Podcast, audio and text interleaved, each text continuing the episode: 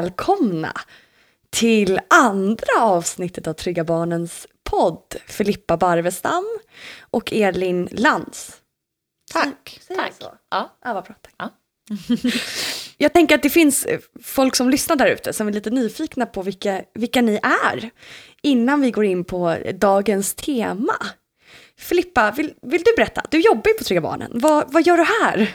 ja, vad gör jag här? Eh, ja, jag jobbar här på heltid.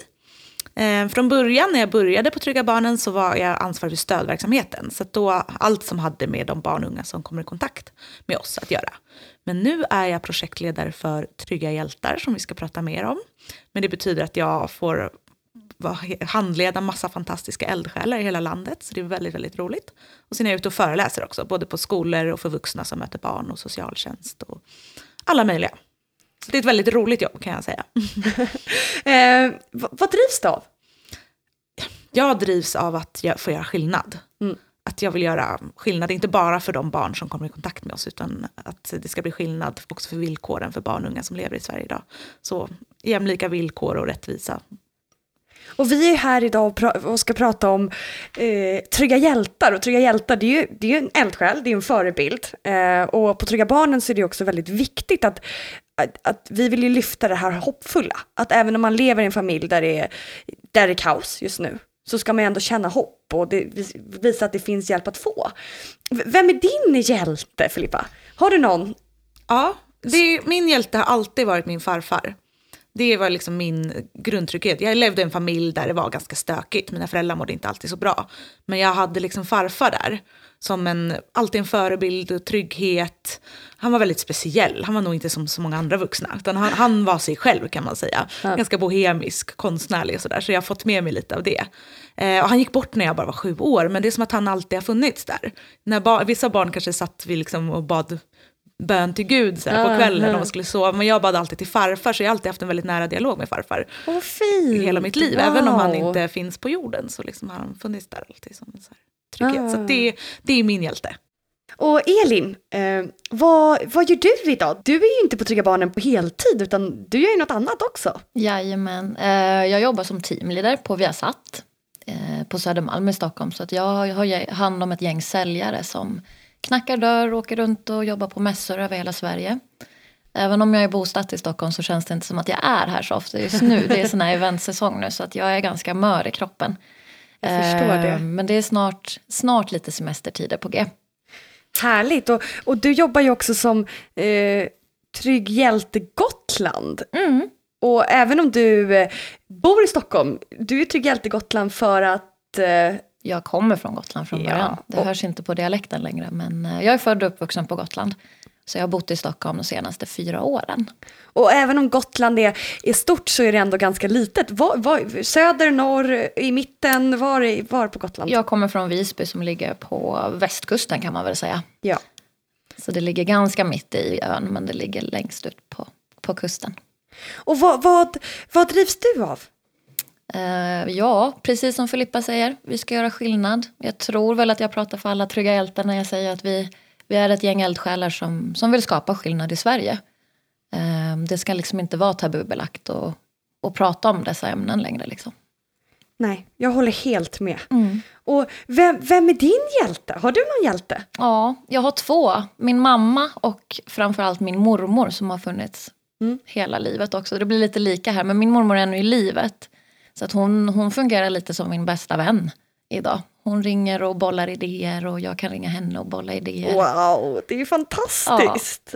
Så tack för att ni delar med er om det. Nu ska vi gå in lite mer på, eh, på dagens då tema som är just trygga hjältar. Eh, Filippa, du som är projektledare för Trygga hjältar, vill du berätta, berätta lite, vad, vad är en trygg hjälte? Eh, vad gör en trygg hjälte?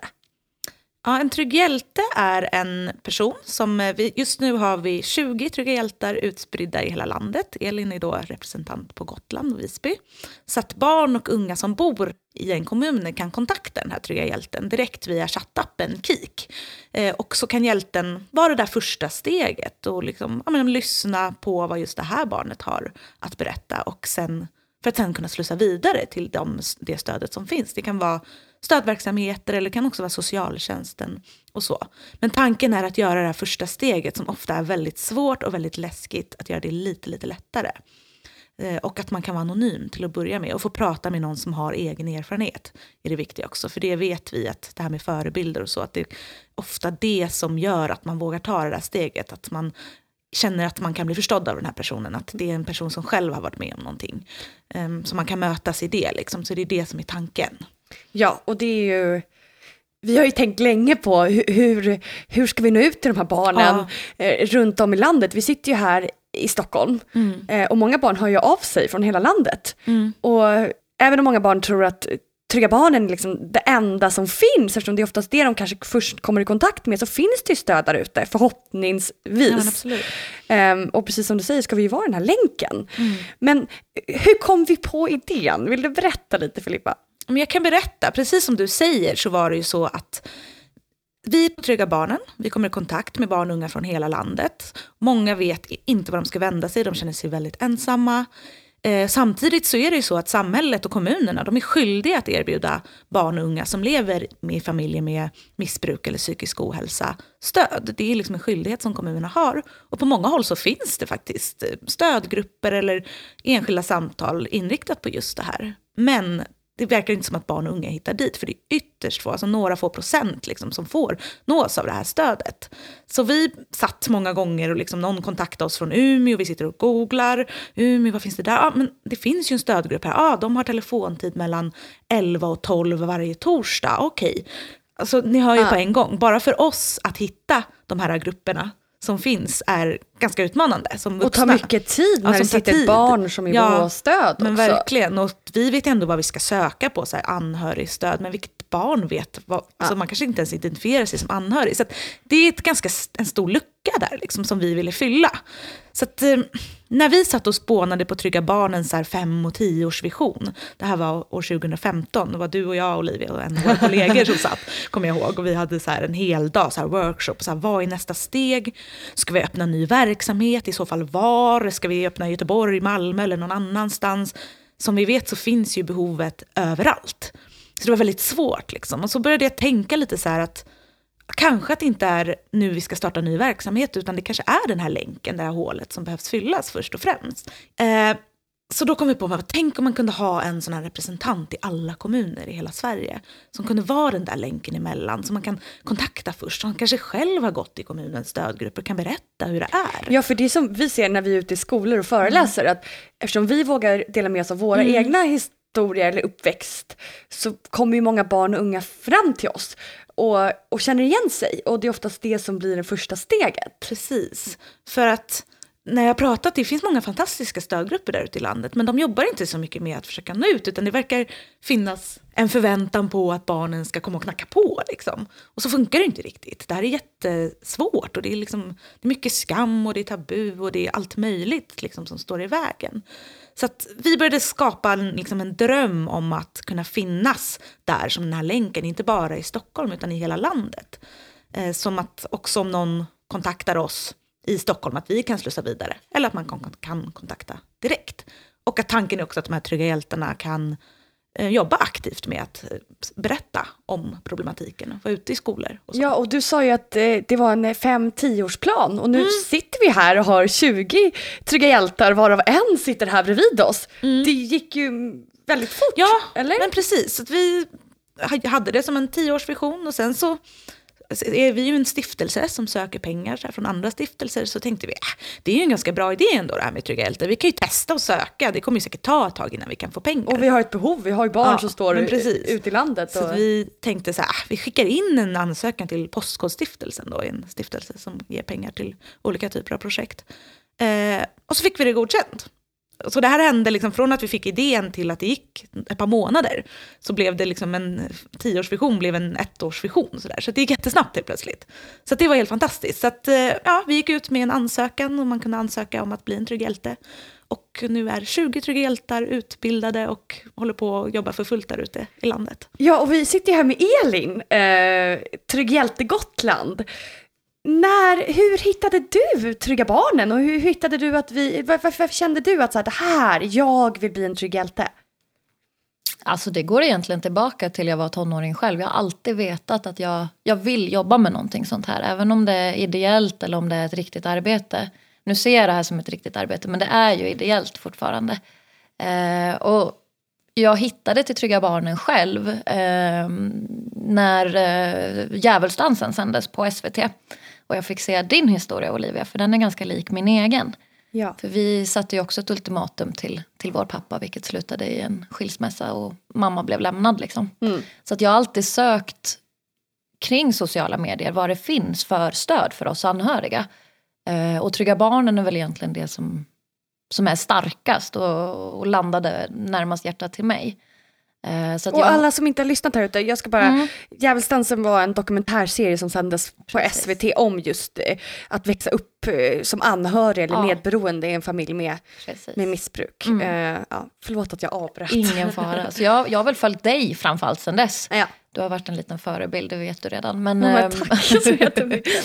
och sen så har jag följt eh, sidan Trygga Barnen på, på Facebook. Och eh, när ni la ut att ni skulle ansöka då, eller leta efter de här trygga hjältarna så var det ganska självklart att jag sökte på en gång. Liksom. Jag kommer ihåg jag satt på, på fält i bilen och skulle få ut mina säljare på jobb och såg det här och satte mig och skrev. Liksom.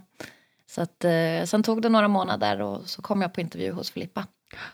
Och gått en utbildning. Jajamän. Eh, och hur, hur var den utbildningen? Vad, vad fick ni med då? Alltså den, den var fantastisk. Framförallt att möta 19 andra, eller ja, 18 som vi var då, det kom in en sent. Men eh, möta de här fantastiska själarna liksom, och höra deras berättelser. Bonda lite med dem och sen Filippas otroligt, vad ska jag säga, otroligt mm, vackra utbildning vill jag säga. Men den var väldigt givande för oss alla tror jag. Så det tror jag jag talar för alla för när vi, vi är otroligt tacksamma. Och nu är ju du en, en trygg hjälte, Mm. eh, vilket vi är otroligt stolta över, eller hur Filippa? Ja, verkligen. Och om man, vad, vad gör du? Hur ser, hur ser ditt uppdrag ut? Eh, mitt uppdrag nu, alltså sen utbildningen har väl egentligen varit att, att göra en massa research hemma på, på Gotland. Liksom. Ehm, ta reda på vad det finns för anhörighetsstöd idag. Eh, Eh, jag har en jättebra kontaktperson i och med att jag faktiskt inte bor hemma längre på, på ön. Så hon hjälper mig att sätta upp affischer på skolor. Eh, kolla runt lite intresset för eventuella föreläsningar etc. Sen har vi ju en tjej som är involverad i Trygga Barnen som, som kommer föreläsa där nu i höst och vinter på olika skolor. Och hon kommer ge ut min kick då och även mejladress. Så att är det någon som vill höra av sig så... Och de som inte vet vad, vad kick är, vill du berätta? Vad är Ja, kick? det är ju knappt så att jag vet det. Det är ingenting jag har använt tidigare. Men det är en, en applikation som fungerar där man kan chatta och man kan skriva och man kan vara anonym framförallt. För det tror jag är ganska viktigt att poängtera att det är inte alltid man vill gå ut med sitt namn. Och det är inte så konstigt att inte vi vet vad KIK är, eller det visste inte jag heller, utan varför vi startade KIK, det var ju för att vi frågade ju barnen, hur ska vi nå er? Vad, vilka kanaler är ni på?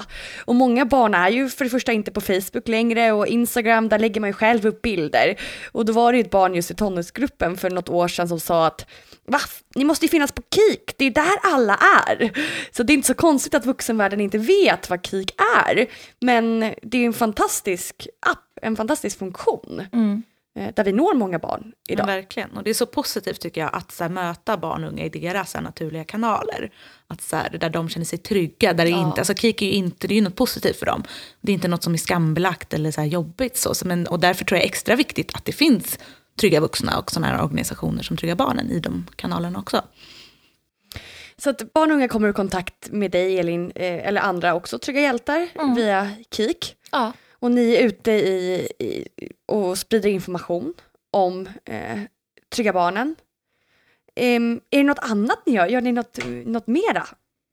Alltså vi, vi, har ju, vi har ju målat upp liksom, eh, en mindmap som det kallas.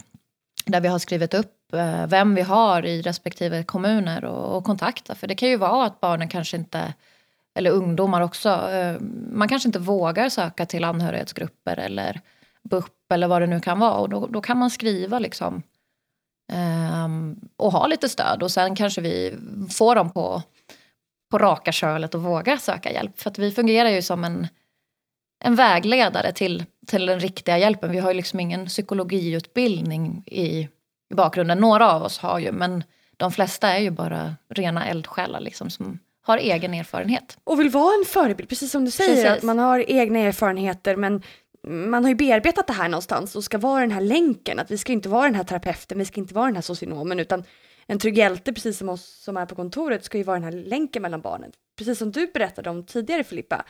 Ehm, och Elin, vill du berätta lite om, om din uppväxt? Var det, Mm. Hur var det för dig och var det någon som såg dig? Och vad har du fått för, för stöd?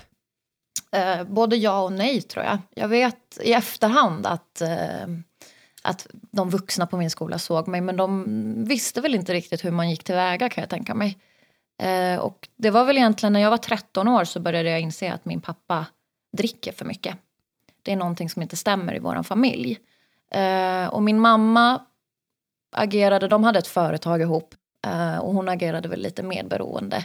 Ville inte riktigt erkänna att att det var ett problem. Det kommer bli bättre. Ehm, Och medberoende, för de som lyssnar och inte riktigt vet, så här, det kanske Ja. är första gången de kommer i kontakt med begreppet. Vad, vad lite är att man sopar undan problemen, eh, kanske hjälper missbrukaren eller vad det nu kan vara och fortsätta Fast- missbruka. Fast även om hon inte ville så det var liksom det var ganska logiskt för henne. Det fick inte komma ut den här familjehemligheten att pappa drack. Ehm, och jag vet att jag såg det som en frihet att gå till skolan.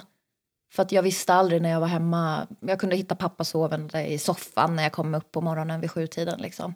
Och då satt han där med en flaska på golvet liksom, som knappt var någonting kvar i. Eh, och jag utvecklade ett ganska starkt kontrollbehov. Jag vet att jag kollade min pappas telefon väldigt ofta.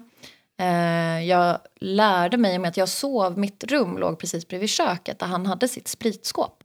Så att jag lärde ju mig efterhand vilken spritsort det var. Jag hörde på hur många varv han vred på, på flaskan, etc. etc.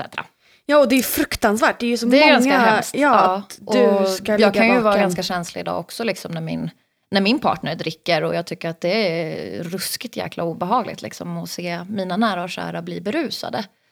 Eh, så det är väl det som, som har följt mig. Att jag, jag känner ett ganska stort obehag idag, alltså om alkohol.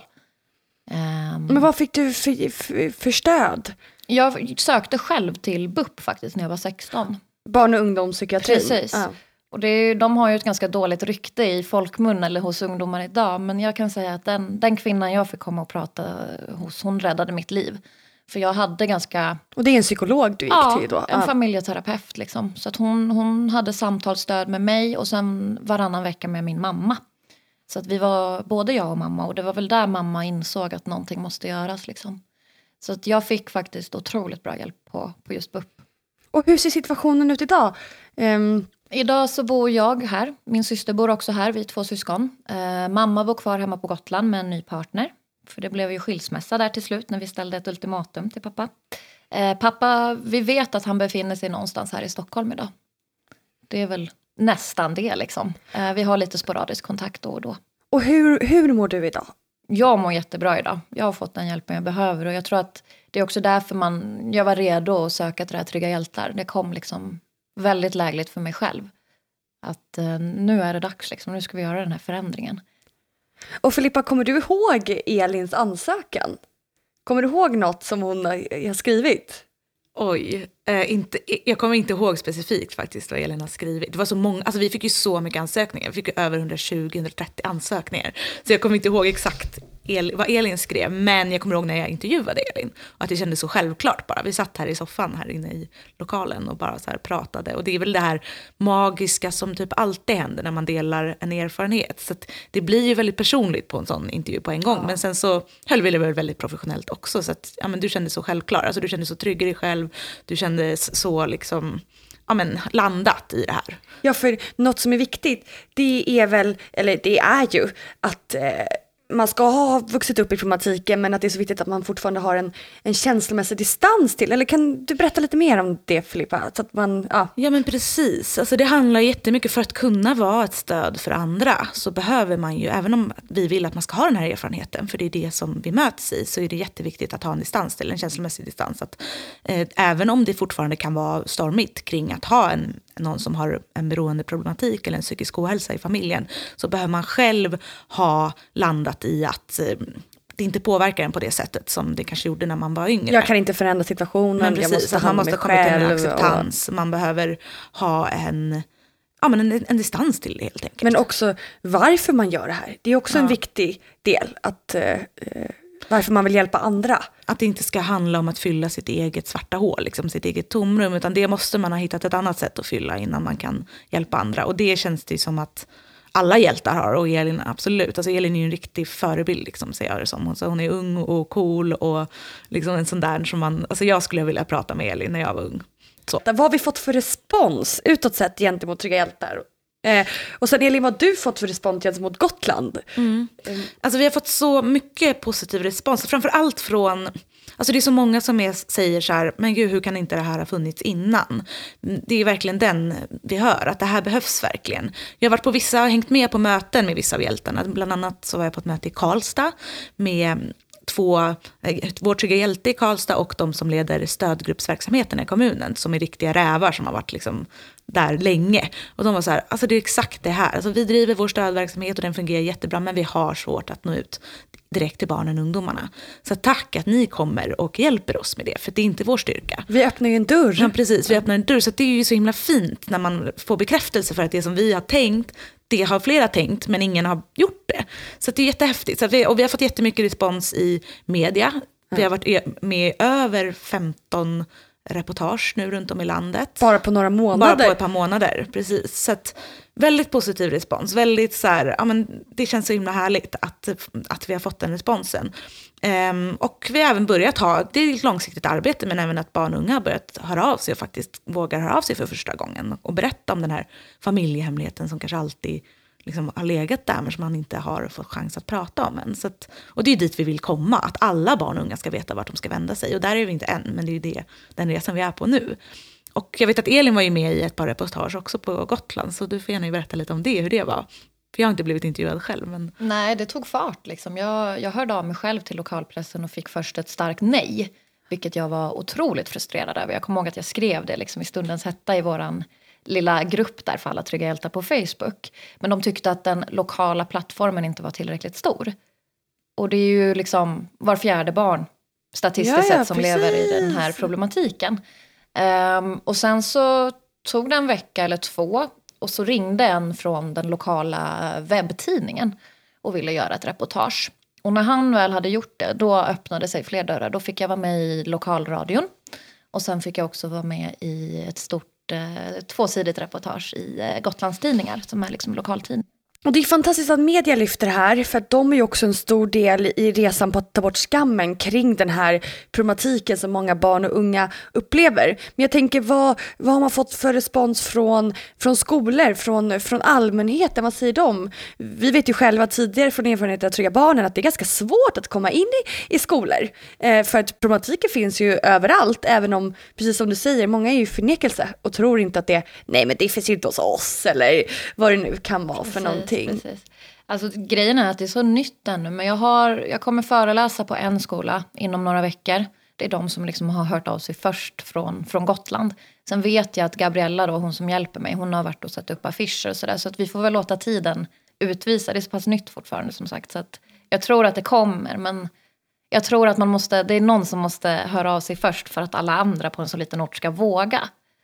Och så får vi ju se då hon, den här andra tjejen som är involverad, hur många föreläsningar hon får ihop. Och det är det som är så viktigt det här med samverkan. Ja. Vi, Trygga Barnen ska ju vara, eller Trygga Hjältar ska ju vara den här länken mellan barnet och, och hjälpen som finns, men också att en trygg hjälte blir väl som en spindel i nätet. Precis, och det har ju sett väldigt olika ut för de olika hjältarna. Vissa har ju mottagits med öppna armar och varit så här, ja, kom och träffa oss, hur kan vi samverka? Medan på vissa ställen har det inte riktigt varit så. Det har varit så här, va, vad håller ni på med? Vi, vi vet vad vi gör. Ehm, så så det är ju liksom lite olika, men jag tänker att det, det tar ju ett tag. Det är ett långsiktigt arbete som sagt. Och det här- handlar inte om att vi ska Nej. konkurrera med Nej, någon. absolut eller... inte. Utan det handlar om hur, hur vi kan komplettera det som redan finns Exakt. och göra arbetet enklare. Det är ju det vi vill förmedla. Men det är ju fortfarande vissa som tycker att det är lite främmande med när det kommer något nytt. Sådär. Så att det är liksom lite olika. Så. Men, och det på skolor är det också olika. Vissa har ju varit så här, yes, vi vill ha föreläsning, vi vill ha det. Medan andra är så här, nej, men på vår skola så finns det inga barn med den här problematiken. Och, ja, och det vet ju vi att det gör. Så att det är väl samma sak, att man behöver ja, man kan vara på lite andra skolor först så kanske de andra skolorna hakar på sen. Så det, det är både och kan man säga. Mm. Och nu har vi pratat lite om nuet, vad som händer just nu och det händer ju saker hela tiden eh, eh, och full fart eh, med eh, ja, som ni berättar om, med, med föreläsningar och uh, samtal med eh, kommun, eh, red, kommunen och redan befintligt stöd. Men vad, vad är målet? Vad, vad, är det övergripande målet? När ska, nu, finns vi 20, nu har vi 20 trygga hjältar, men det är 290 kommuner. När ska vi ha fyllt de här mm. 290 kommunerna? Ja, det är frågan. Eh, vi tänker nästa år vill vi i alla fall fördubbla antalet hjältar. Eller kanske till och med lite mer än fördubbla, så att vi 30 till tänker vi. Och då ska vi i alla fall ha fylla, nu fyller vi inte alla län, utan det blev så att det är några i, fler i några län, för att ja, det blev så helt enkelt. Men nästa år vill vi fylla, i alla fall att det finns minst en hjälte i varje län. Eh, och även 30 till kommuner. Men inom fem år så vill vi att det ska finnas en, alltså 290 hjältar. Så det är en ganska stor vision sådär. Men eh, vi vi satsar på det. Och jag tror ingenting är omöjligt på tanke, tanke på att tanken var ju att Trygga Hjältar skulle dra igång om fem år typ. Och vi är redan igång och mm. har 20 Trygga Hjältar. Så att det där, det finns ju inga utmaningar som är för, för små. Utan det är därför vi också behöver hjälp från folk ja. runt omkring för att komma komma in i kommunerna. Precis, och ehm. som jag ser alltså, de här trygga hjältarna är så extremt engagerade. Jag hänger ju knappt med för det händer så mycket. De liksom är full fart sådär. Så att jag tänker att det vi håller på att skapa är en slags folkrörelse. Liksom. Det, är ju, det här ja, det kommer sprida sig och det, ja, så att det kommer bli stort. Jag känner det på mig. Mm. Ju fler vi är, ju fler kan ja. vi hjälpa. Det är ju fantastiskt. Och Elin, vad, vad, vad händer? Vad är, vad är målet för dig? Eh, mitt mål är ju, vad ska jag säga? Ja. Jag tänker ju som sagt, vi hade en övning när vi, när vi utbildade oss, så att man aldrig får glömma sin lilla, det lilla barnet inom en själv. Och jag vill ju hjälpa alla de där små barnen. Liksom. Det är ju, de ska inte sitta sen när de är 25-årsåldern som jag är och känna att vad hände där? Varför, blev det, varför har jag ett så stort glapp i min uppväxt? Varför, varför har jag förnekat så mycket och, och faktiskt förträngt väldigt mycket minnen? Även om det är väldigt tråkiga minnen så tror jag att man har väldigt bra nytta av dem idag.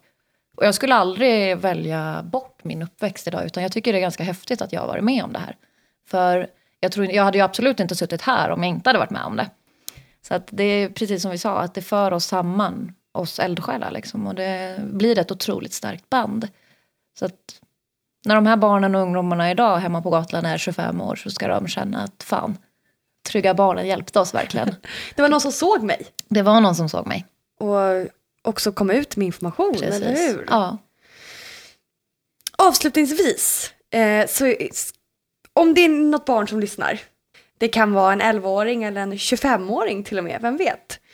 Som lever i den här problematiken. Vad skulle ni vilja förmedla? Alltså, jag skulle vilja förmedla att du är inte ensam och det finns eh, hopp och det finns hjälp att få. Um, och med det menar jag att det är så viktigt att våga vända dig till någon. Om det är Trygga Barnen, om det är någon annan vuxen. Du behöver inte hålla det här inom dig. Det är så lätt att tro att det är mitt ansvar att fixa allt, se till att ingen märker något och så. Men det är så viktigt att vad din familj än förmedlar eller säger till dig att du har rätt att prata om det här. Och det är inte du, det handlar inte om dig, du ska inte skämmas. Det är så många som har det så här. Så det är så viktigt att veta att man har rätt att prata om det. Och våga göra det, för det blir bättre av att göra det. För dig själv, att du har rätt att må bra trots att personer i din familj kan må väldigt dåligt. Exakt, jag håller helt med. Elin, vad skulle du säga? Ja, men alltså, jag tycker man alltid säger det. Våga öppna upp dig och hit och dit. Men jag, tror, ja, jag vill säga att det är inte ditt fel att att den, de här problematikerna sker runt omkring dig. Det är aldrig ditt eget fel utan vi finns här om ni vill prata. Du har säkert någon, någon nära vän som också kan prata. Och är det svårt att öppna upp sig, var anonym för det kan man ju vara hos oss liksom.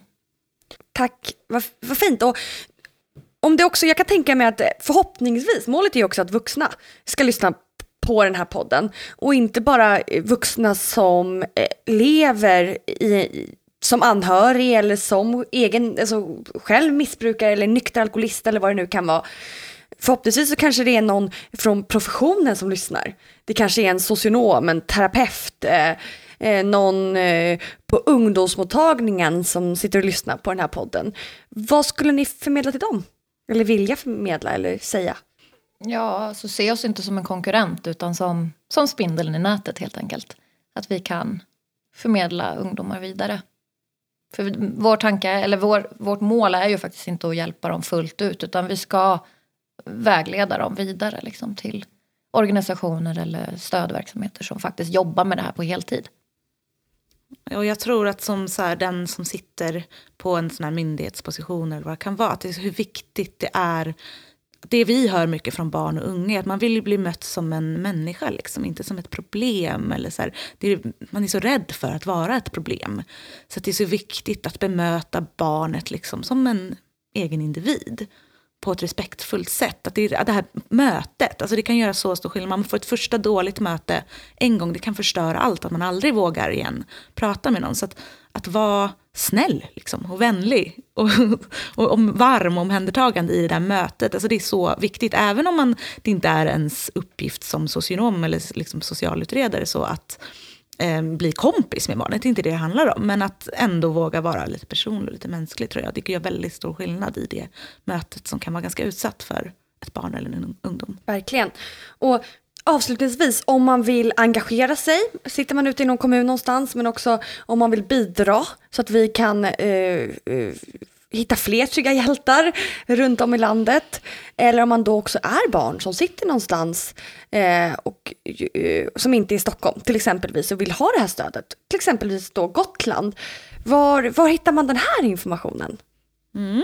Tryggabarnen.org snedstreck trygga hjältar, alltså som trygga hjältar utan prickarna. Där finns det information, så att där finns alla hjältar liksom listade med foto och eh, kiknamn och mejl. Så man kan mejla eller kika direkt till sin Trygga Hjälte. Eh, man kan också skriva till Trygga Barnen Stockholm så kan de förmedla vidare. Så att där skulle jag rekommendera att gå in. Ja, och eh, glöm inte heller att följa Trygga Hjältar på Instagram som heter just Trygga Hjältar för att det går inte med ä. Eller ja, men precis, så? just det. Där kan man om man bara är nyfiken på vad vi gör så följ, följ där, där händer det allt möjligt.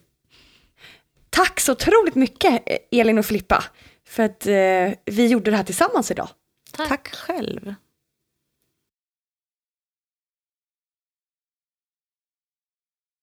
All information som ni har hört idag om Trygga Hjältar, men också var Trygga Hjältarna finns och hur ni kan bidra, eh, finns på vår hemsida, alltså www.tryggabarnen.org.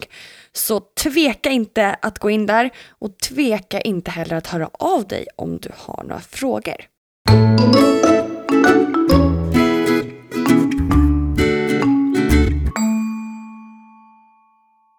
All information som ni har hört idag om Trygga Hjältar, men också var Trygga Hjältarna finns och hur ni kan bidra, eh, finns på vår hemsida, alltså www.tryggabarnen.org. Så tveka inte att gå in där och tveka inte heller att höra av dig om du har några frågor. Tack så otroligt mycket eh, från oss.